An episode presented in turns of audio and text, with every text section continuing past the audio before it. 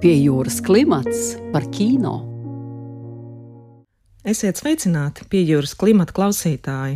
Šīs dienas raidījuma fokusā, lai mēs paspētu izsekot rudens pirmizrāžu maratonu straujajam ritmam, pat divas jaunas latviešu filmas - Ivars Selecka zemnieki un Uģa Oltes upurga.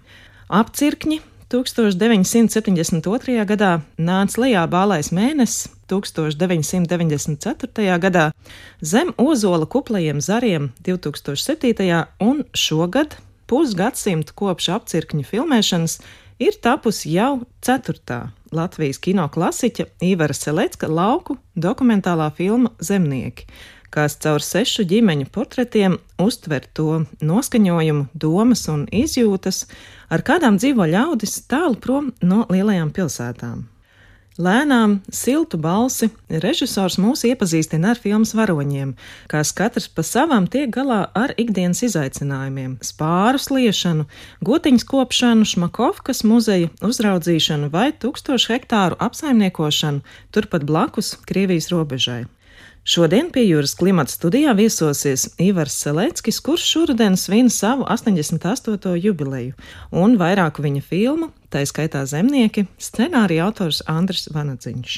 Sākšu ar apsveikumu. Ivar, jūsu filma ir iekļauta viena no pasaulē nozīmīgākajiem dokumentālā kino festivāliem ITFA sadaļā meistari. Vai jūs dosieties arī turp un būsiet klāt seansā? Nu, to vēl nevar pateikt. Jo nav zināms, kas notiks. Jau katru dienu kaut kas mainās. Līdz tam jānodzīvo. Katrā gadījumā īfa tiešām ir liels festivāls. Viņš ir pat daudz liels jau palicis. Tur tāds ļaužu mašas saplūst, ka tur milzīgs, milzīgi, milzīgi brīvi tā lieta notiek. Stāstot uh, par savu filmu apcirkņi, jūs sakāt, ja cilvēks uzfilmē dzīvi, kādu to redz, pārāk tajā neiejaucoties, viņš ir sācis nodarboties ar dokumentālo kino. Vai tas ir jūsu kā dokumentālista darba princips? Es domāju, ka jā. Galvenais ir nekur neiejaukties. Tad tās lietas būs īstas, jo faktiski jau mēs jau vērojam to garām slēdošo dzīvi un paņemam to, kas mums noder.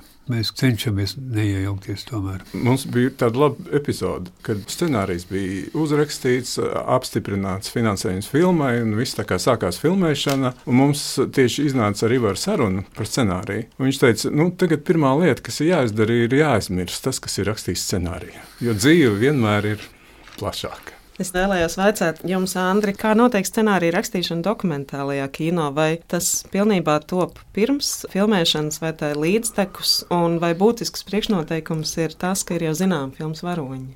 Droši vien, tas būtiskākais ir tieši tā izpēte, varoņu meklēšana, atrašana, kopsaucēju atrašana, kuri tad būs. Jo mēs arī varu veselu vasaru to vien darījām, kā braucām, runājām, tikāmies ar cilvēkiem, krustus čērs pa visu Latviju. Un pēc tam no tā visa mums bija jāizveido tāds ļoti kompakts modelis, kurā varētu ietvert stāstu par Latvijas laukiem šodien.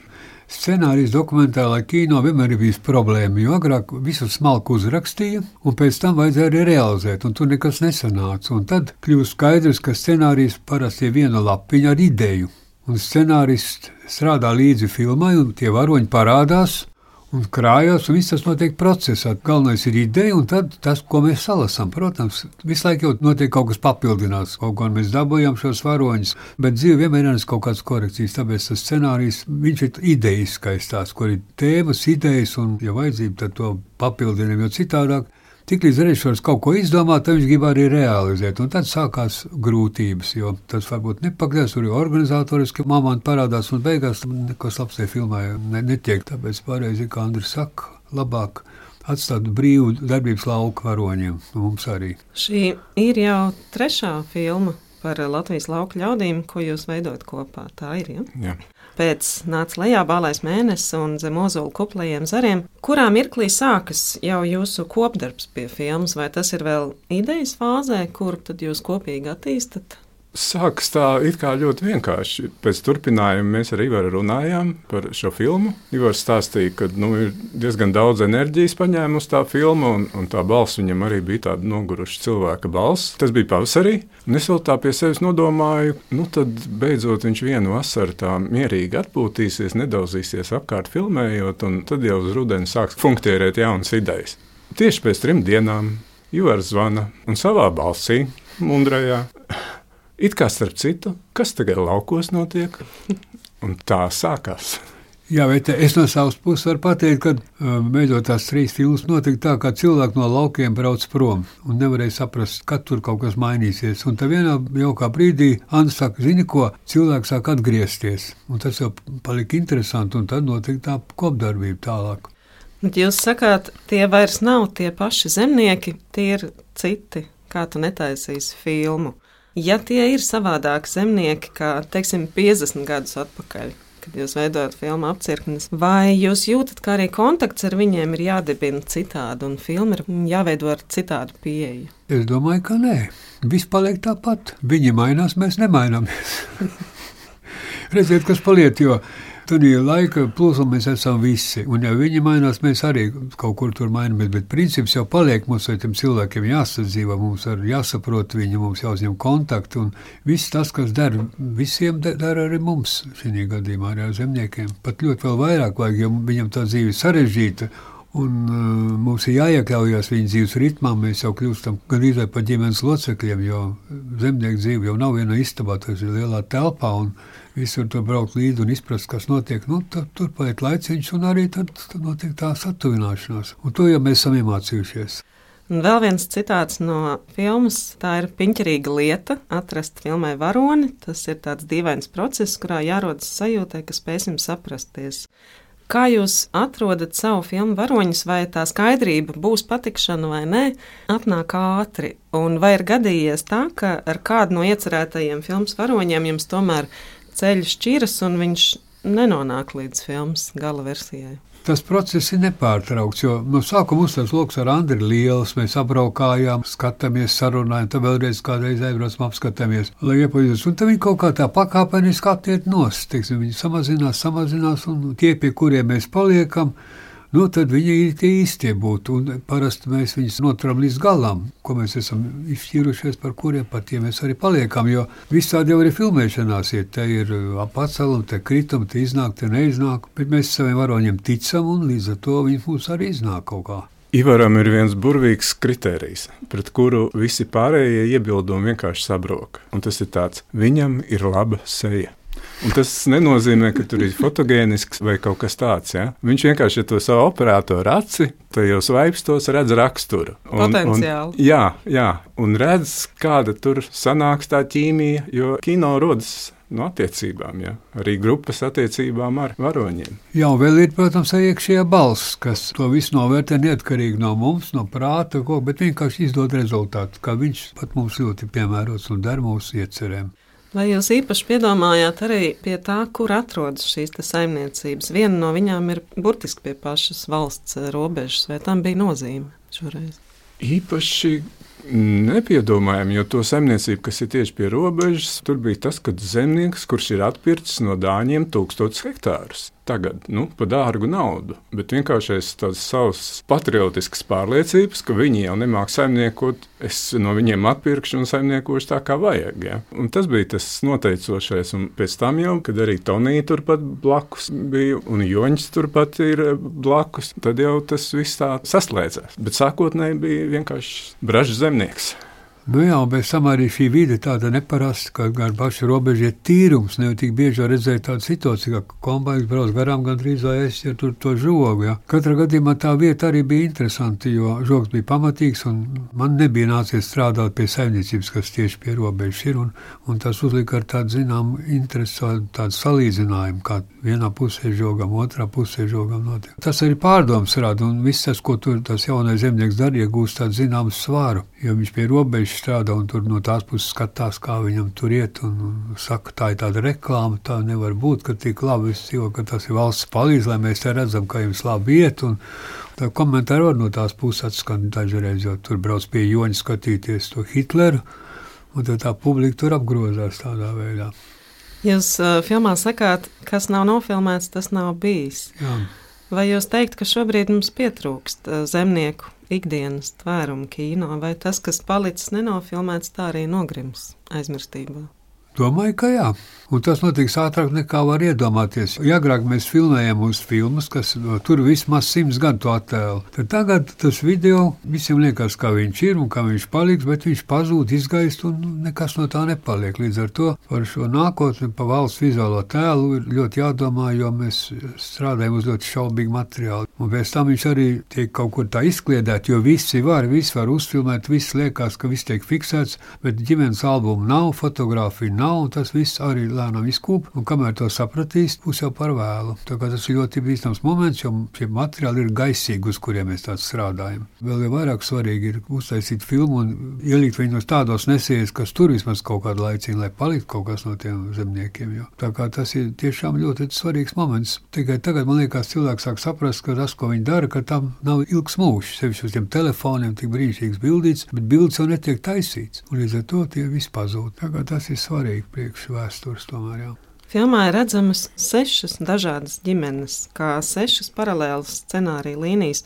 Ņemot vērā to, ka dzīve jau nemitīgi ievieš savas izmaiņas, kā ir iespējams to stāstu sabalansēt tā, lai vienai līnijai netiek par daudz un citai par maz uzmanības.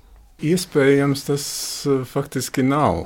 Jo, kad ir sapilmēts un tiek atkal un atkal tas materiāls skatīts cauri un veidots, tā filmas uzbūve top, Manuprāt, tas kriterijs, lai tai filmai parādās plūdums. To nu Ivars prot Nē, nu, uztaisīt. Ne, jā, pieminiet, ka mēs ar Andrēnu to filmu netaisim. Ir, brīnišķīgi operatori, kas jā. prot to lietu izdarīt. Tur Celmiņš, tur Šēnbergs un Saļms. Un viņi visi ir ieguldījuši savu darbu, lai tvērtos mirklis. Un vēl ir montāžs reizes Armāns Zaķis, kas to rūpīgi visu vēlreiz pārbauda. Tagad tas process ir diezgan sarežģīts. Un jau vēl jau vairāk, jo mēs eh, kavējāmies, jo mūsu filma jau bija gan gadu atpakaļ gatava kā bija laiks pārbaudīt, un vēl un izsvērt, un izkaut ko un apskatīties, lai tas viss tās saskaņotos smuki, lai būtu tā kā Andris saka, plūdums. Jā. Protams, grūtāk pateikt, bet eh, jūs to filmu laikam redzējāt nesen, un tad jūs varat novērtēt, plūst viņa vai neplūst, kā tur sanāk. Bet vai jums bija jau kāds uzstādījums, par ko vēstīs katra no šīm scenārija līnijām? Saprotiet, mēs tā nedalām tos varoņus. Mēs skatāmies, kāda viņi ir un kādu vietu viņi aizņem sabiedrībā, kādu vietu viņi aizņem pēc savas tās profesionālās ievirzes un visādi, visādi tādi jautājumi rodas. Bet par to mēs kaut kā, nu, kā domājam, bet laikam tas ir organiski. Mēs tā nesvaram. Visām pusēm grozām, skatāmies. Un, kā tas vadonis pats iekārtojās, ko viņš var parādīt, kā viņš domā, kā viņš spiež, kā viņš pieņem lēmumus. Viņš pats iekārtojas arī filmā, uz ko mēs tur viņam varam palīdzēt. Mūsu cilvēks viņš ir un mēs jūtam, un tad kā to izdarīt. Jā. Jā, jā, tieši tas cilvēka liktenis jau ir tas interesantākais, tas, kas piesaista. Jā, un, kā jau var saka, viņi to savu vietu paši faktiski atrod. Un tad jau rodās skatītājiem ar viņiem tas kontakts vai nerodās. Scenārijs tika veidots sadarbībā ar uh, sociālo antropoloģu Daci Zenovsku. Ko sociāla antropologs spēja sniegt šim procesam? Daci tajā laikā veids pētījumu tieši Latgalē par lauku tukšošanos. Un viņa arī diezgan aktīvi iesaistījās tajā varoņu meklēšanā, izpētes procesā. Viņa bija iesaistīta un nu, mums bija teju zinātniska pieeja. Ja, tur bija dažādi zemnieki, kas kuru pārstāv, jā, tur liels saimnieks, bioloģiskais zemnieks, nišas zemnieks un tā tālāk sagrupēti, lai būtu tas skats pēc iespējas plašāks. Beigās jau tas ir arī kritērijs, viņam ir laba seja, vinnē. to zinātnisko pieeju. Bet katrā ziņā, protams, tas bija ļoti vērtīgs domāšanas un visu to ideju apmaiņas stimulators, tas kā dats pieiet tām lietām, kā viņas redz, kā viņi viņas sagrupē. Nu, es kaut kādās piezīmēs rakstos tur varbūt vairāk uz poetizēšanu vilku, tad, tad viņi atkal ļoti visu ar pamatojumiem un tā vairāk pie zemes turēja. Tā kā jā, ļoti vērtīgi. Katrā gadījumā bija kaut kas cits, jā, tāda varianta, ko mēs pat iedomāties nevaram, ka jā. tam ir zinātniskais pamatojums. Nu, bet dažādiem jau laba lieta ir. Katra doma apmaiņa katrā gadījumā bija un tā bija laba. Jā. Ivar, vai jums līdzīgi kā šķērsielas un turpinājuma gadījumā ir būtiski sekot līdzi arī citu savu filmu varoņu gaitām jau vēlāk, pēc filmēšanas? Tas fakts ir ar visiem filmu varoņiem. Saprotiet, mēs pie šīm filmām strādājam apmēram gadu, un ar šiem cilvēkiem ir satikšanās apmēram gadu, un pat vēl vairāk. Kā mēs ar Andrēs esam sprieduši, kļūstam it kā par ģimenes locekļiem. Nu, mēs esam kā radinieki, mēs visu gandrīz zinām, mēs sekojam līdzi, mēs pārdzīvojam, mēs priecājamies. Un tā saits jau nebeidzās ar filmu pabeigšanu. Jānis Stačis piebalgā, kas ir no slēpālais mēnesis, mēs joprojām uzturam kontaktu ar viņu, viņš interesēs, kas notiek. Mēs jūtam tiem varonim līdzi, un viņi nepazūd. Viņi vienkārši aiziet, nu aiziet citā pasaulē, vai ne tā. Tas saits izveidojas ļoti, ļoti cieši parasti. Ivaram ir saglabāti visi telefoni, un tad, kad mēs braucām izpētes braucienos, tad viņam bija tā, šeit ir mūsu mīļais, tas un tas. Tagad piezvanīšu, un iebrauksim aprunāties pie bijušajiem varoņiem. Visas āršķirības, režisoru triki noveco, bet cilvēka liktenis ir stabila vērtība, laikmeta dokuments. Vai jūs filmējot skaidri sajūtat, ka šis ir tas brīdis, tā epizode, kuras dēļ ir bijis vērts ilgi un pacietīgi gaidīt, vērot notiekošo, jeb tas tomēr ir redzams tikai jau vēlāk, montāžas procesā. Lai nospiestu pogu, kamerai kaut kam ir jānotiek. Kā tas viss izvērtīsies, mēs nezinām. Bez tam bieži vien sīkumi ļoti svarīgi, jo agrāk tās kronikas, kā pēti, ir laikmeti, kur vispār nekādas sadzīves detaļas nav, kur cilvēki nav, tikai kaut kādi procesi. Un tas cilvēks ir tas vērtīgākais, un neviens jau nevar pateikt, kā tas būs. Mēs viņu sākam filmēt, jo kaut kas notiek. Kā tas izvērtīsies, nezinām. Varbūt tas ir pavelti. Bet vēl tas nav, ja mēs esam kādu pieredzi ieguvuši. Notikums pats par sevi ir vērtība, bet tos mazos notikumus viņi iegūst vērtību arī montāžas procesā. Nu, ja kaut kas tāds nu, liktenīgs vai vēsturisks, tad, protams, viņš uzreiz ir skaidrs zināms, ka tas ir tā. Bet tie fakti jau dažādas vērtības piedzīvo. Filmēt ir viena vērtība, pēc kāda laika viņa vērtība varbūt krītās, jau parādās kaut kas labāks, bet ir tāds, kur atkal uzspēlēt montāžas laikā, un lai domu izteikt, tad kaut kāds knibulīts, varbūt vai kāda maza epizodīte ļoti svarīga, lai tur kaut ko vēl pastiprināt. Vai. Tā kā viss materiāls ir labs, un to tā nevar pateikt, kāds paliks.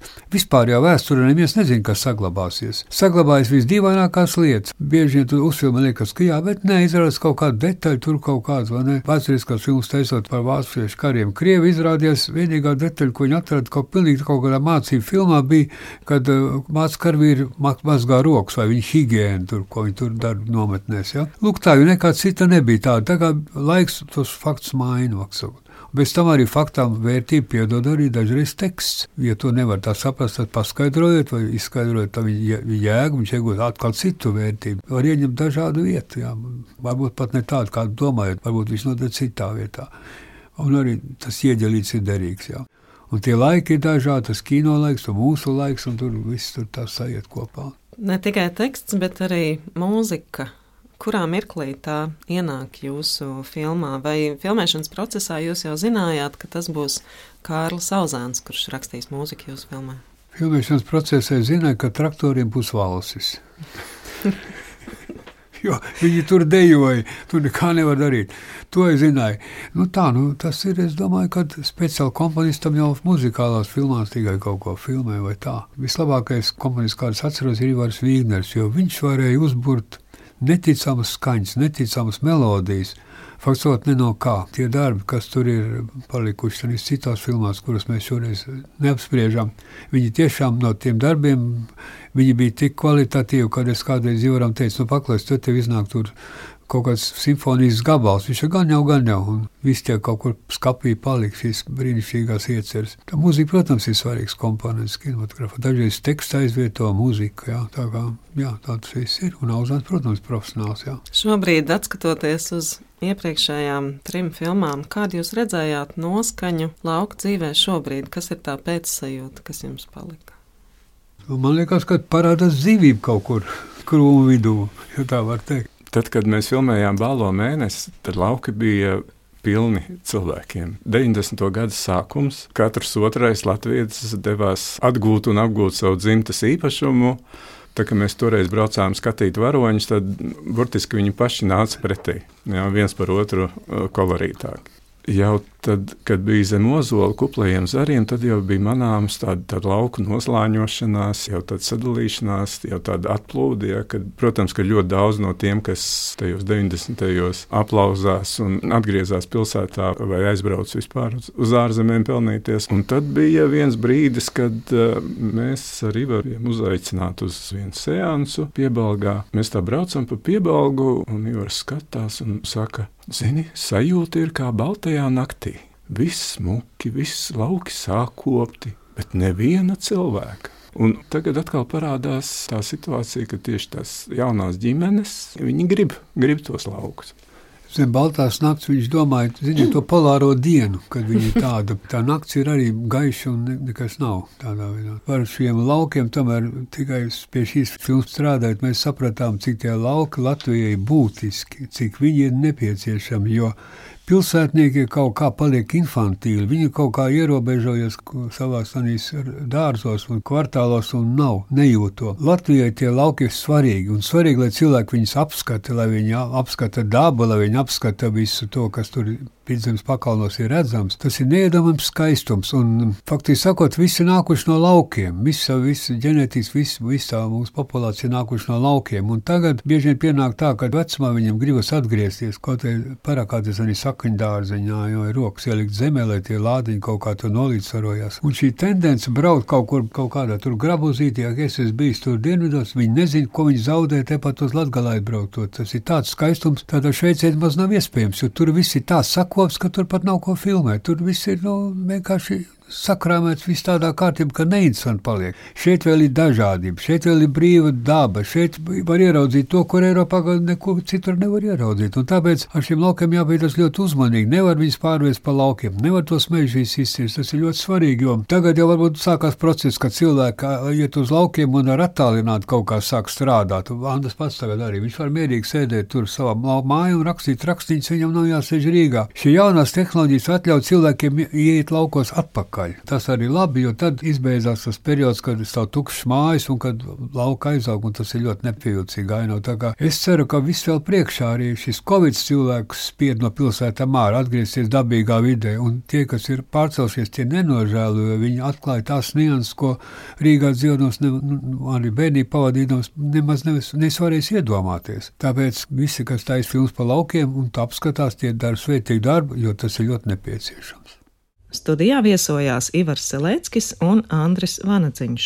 Otra šīs dienas raidījuma varone ir Uģa Oltes debiju spēles filmatrāžā filma Upurga, kuru tās veidotājiem patīk saukt par mitoloģisko trilleri savvaļā. Filmas sižeta sākuma posms liecina, ka gaidāma dinamiska, šermulīga piedzīvojuma filma. Par drošības noteikumiem satraucies piedzīvojumu Gits Andrejs mežonīgas pierobežas upes ielā pazaudē savu māsu un viņas komandu, bezrūpīgu un dabā nepieredzējušu filmēšanas grupu, kas tur ieradusies filmēt reklāmu. Tomēr tālāk kā čiekurs viņas no ierastā sižeta nolobās pa vienam vien virspusējam un atpazīstamam slānim. Andrejam iekļūstot aizvien dziļāk noslēpumainās upes upurgas un tai piegulošo mežu pasaulē. Upurga ir kāds pirmotnēji spēka apvīts noslēpums, kas tiek rūpīgi sargāts. Andreju te sagaida cīņa gan ar ārējiem spēkiem, gan paša iekšējo trauksmi. Radījumā viesosies filmas režisors Uģis Olte un gida Andreja lomā redzamais aktieris Igors Šelegovskis. Pavisam nesen, kādā darba dienā, jūs aicinājāt mediju pārstāvis braucienā pa upurgas filmēšanas vietām. Kā tas noritēja, vai visi atgriezās atpakaļ pilsētā? Nu, mēs darījām visu, lai viņi atgrieztos. Man pa lielu pārsteigumu pat nebija čīkstēšanas filmas tapšanas process bija tāds diezgan paģērošs. Nu, vismaz uz spējām būt pareizajos apavos un uh, kādu pusstundu iet līdz tai vietai, kur vislabākā gaisma vislabākais attēls. Bet, nu, mēdīs speciālisti tieši to pašu varēja izpildīt mierīgi. Nu, dažiem tur pirmās desmit minūtes likās tādas grūtākas, bet tad viņam kaut kā laikam paķēra to azartu klīst un pārvarēt grūtības. Filma, kas sākas ar saucienu palīgā, droši vien neveicinās lauku turismu Latvijā, tomēr tā noteikti nostiprinās tās kā noslēpumainības un neizskaidrojamu dabas spēku caurvīta apvidus zīmolu. Kas bija tā krātuvīte, kurā jūs smēlāties idejas visam tam negluži parastajam, negluži izskaidrojumiem, kas notiek filmā? Vēsturiskās teikas, pasakas, ļaužu nostāsti, Nu, man liekas, ka ir kaut kāds cilvēks, kas tieši meklē situācijas, kur vajadzētu saukt palīgā, ir tādi trakuļi.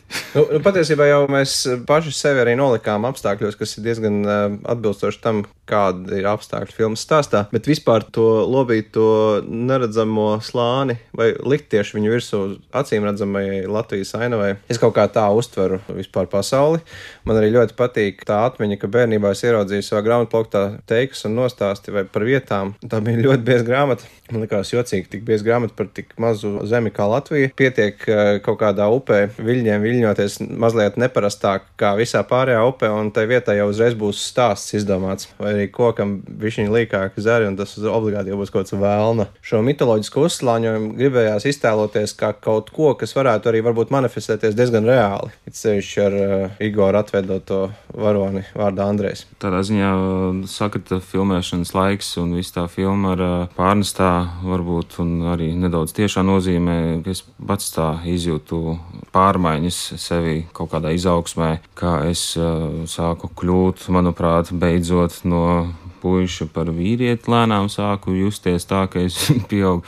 Un kaut kā tā ļoti sakrita, ka šī filma bija tāda skola tam tāds eksāmenis varbūt pat. Inga Tropa saka, ka šī filma ir par iniciāciju. Laikam, ja, ja trijos naktī modinātu ar dakšām pie deniņiem un prasītu nosauc vienu vārdu, tad es arī to teiktu. Jā. Kā filmā nonāca lībiešu valoda? Stāstot par filmu starptautiski, vai jūs uzsverat šīs valodas stāstu, jo droši vien retais spēj to identificēt?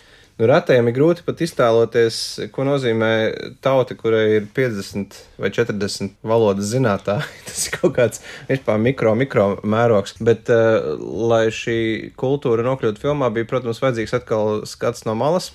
Mortens Trāviks, kurš ir norvēģi režisors un aktieris, un šajā filmā spēlē lomu inspektors Saliņš. Viņš ļoti gribēja atrast kaut kādu piesaistes punktu šeit vietējai kultūrai. Viņš bija saviem spēkiem atradis un man atsūtīja Lībiešu kultūras institūta mājaslapu. Pēkšņi domāju, kas tie livons.net, domāju, kas tie pa Livonijas ordeņa faniem. Un tad izrādījās, ka nē, tie ir tie lībieši. Un es sapratu, mēs tiešām tik maz par viņiem zinām, mūsu skolā par viņiem nemāca, pēc tam neviens neatgādina.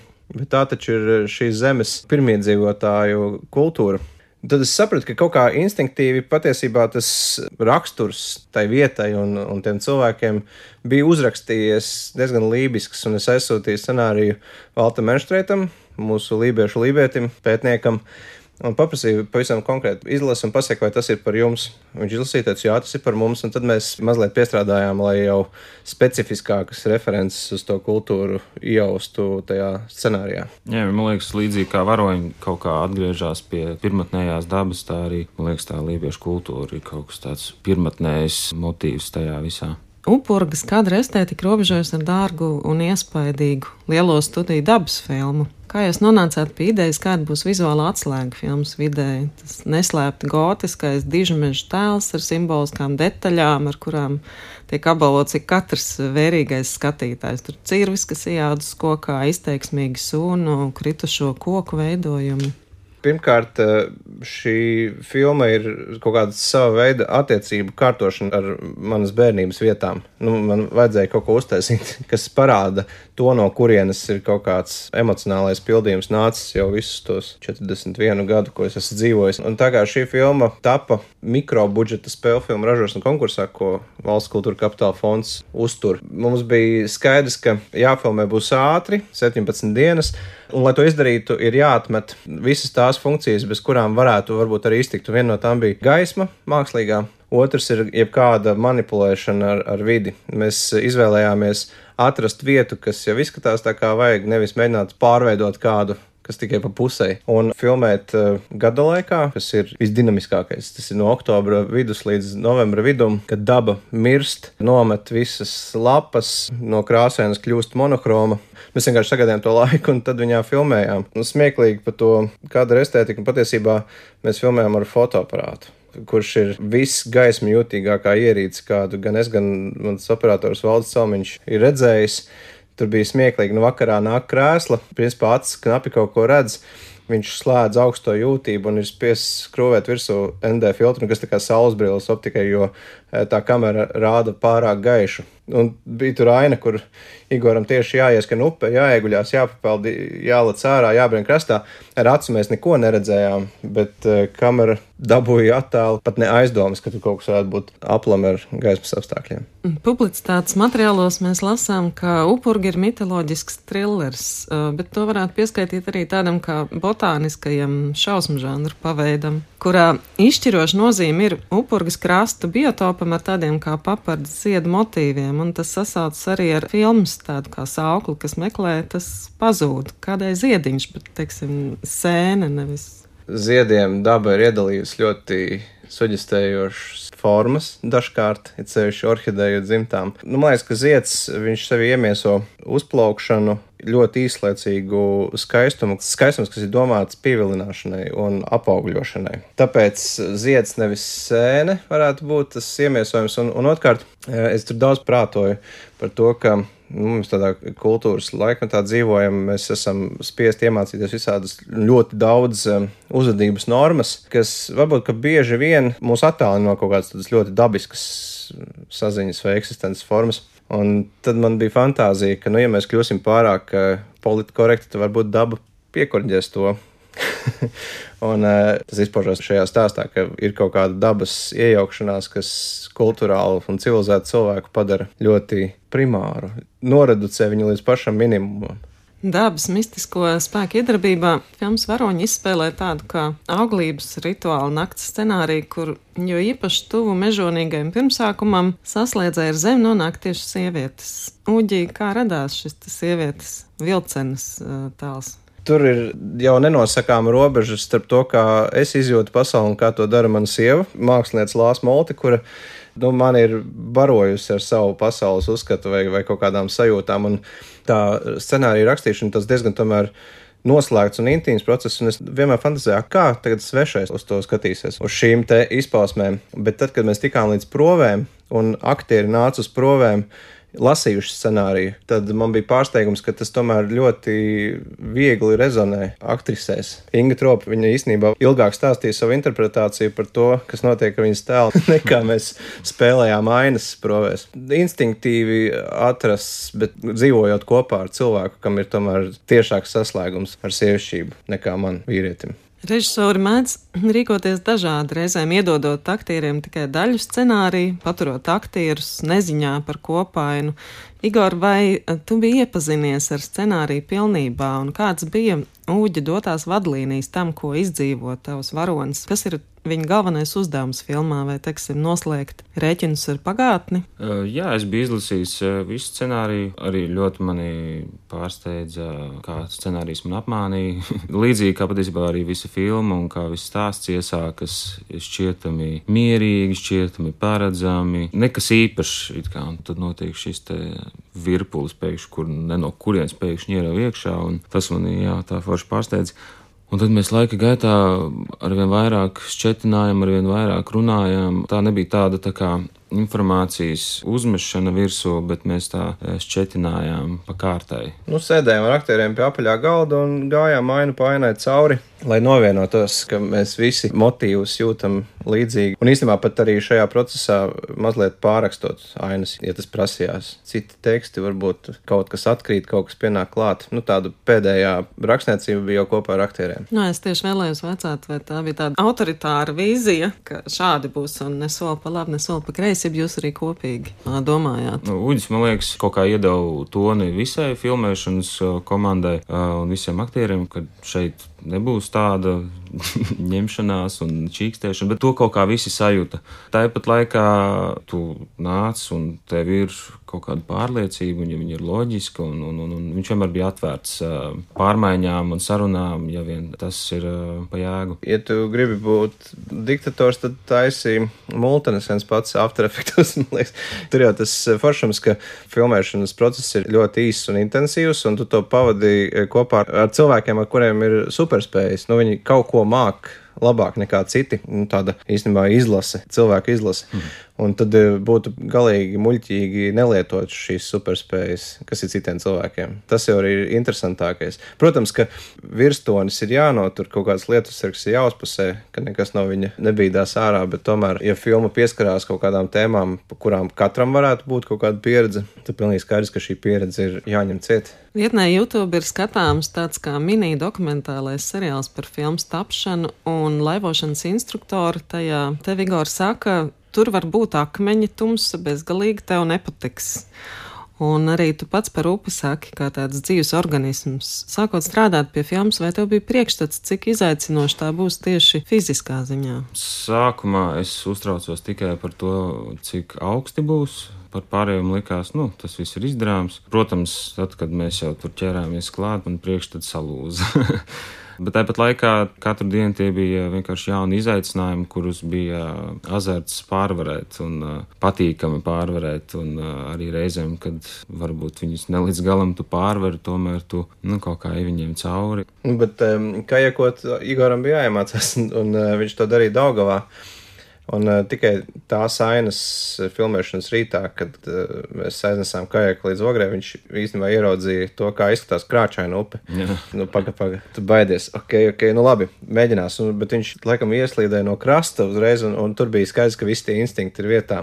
Jā, mācījos airēt, pēc tam vēl mācījos airēt uz sporta kājeka, kas ir daudz jūtīgāks kājeks, līdz, bet to bez mierīgā upē. Un šeit tā kā bija nemierīgā upē, bet ar uh, upes kājiku, kas ir eh, daudz neapgāžamāks. Un eh, līdz ar to tas kaut kā tā izlīdzinājās, bet pirmais brīdis bija tāds uh, baiļu stīvums, tāds nedaudz.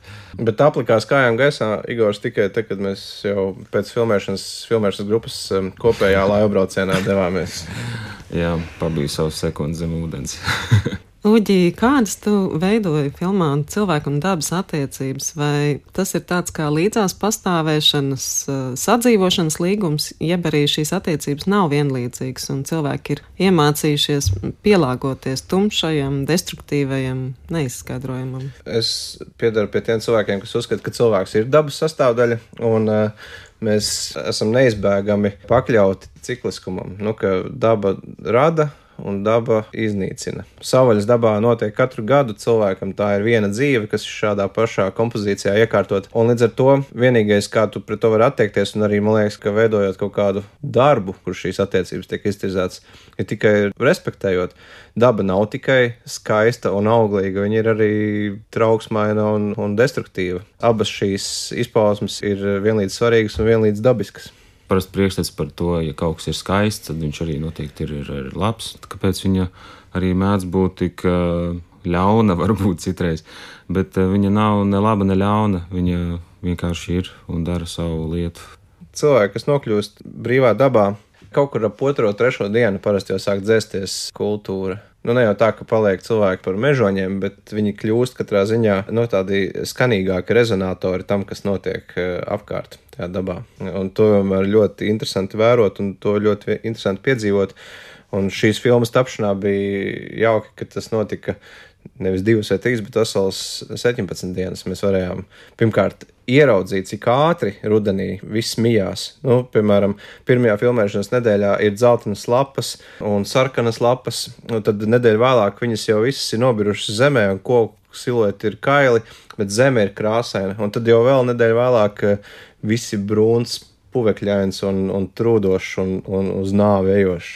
Un tas viss notiek burtiski nu, līdz miljonus var izskaidrot tik ātri. Avots, kurā peld viss, kas noticis un kas notiek, ir frāze, kas mazliet variēta izskan vairāk kārt. Jums mazliet jāpastāst man par šo plašāk. Māras ķīmeles atveidotā vecenīte mežā ir nu, interpretācija par tādiem bērnības pasakās lasītiem tēliem. Parādās kaut kāds tēls, un viņš kaut kādu funkciju, varbūt pat neaktīvu, bet izpilda galvenā varoņa ceļojumā.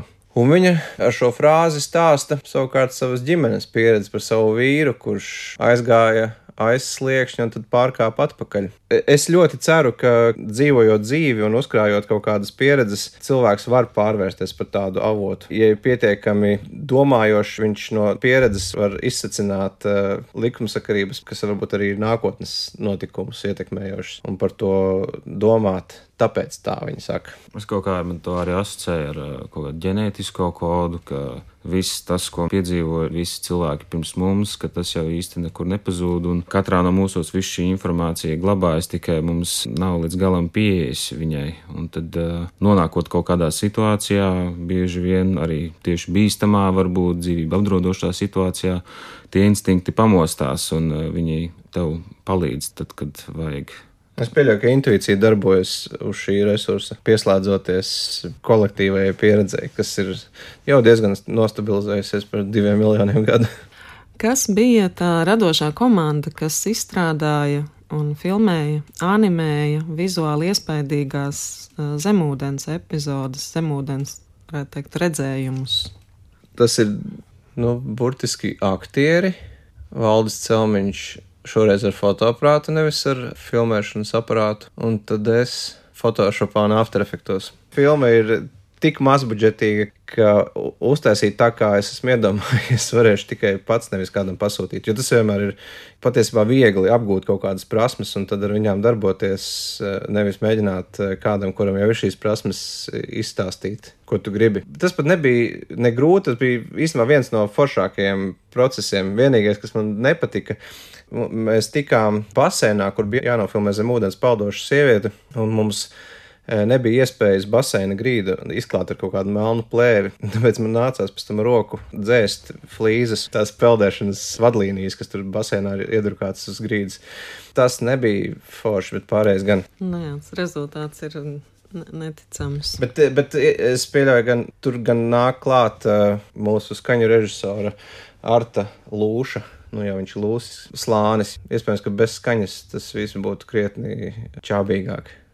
Studijā viesojās Uģis Olte un Igors Šelegovskis. Pie jūras klimata vadīja Sonora Broka un Monteja Judīta Bērziņa. Raidījums tapis ar valsts kultūra kapitāla fonda atbalstu.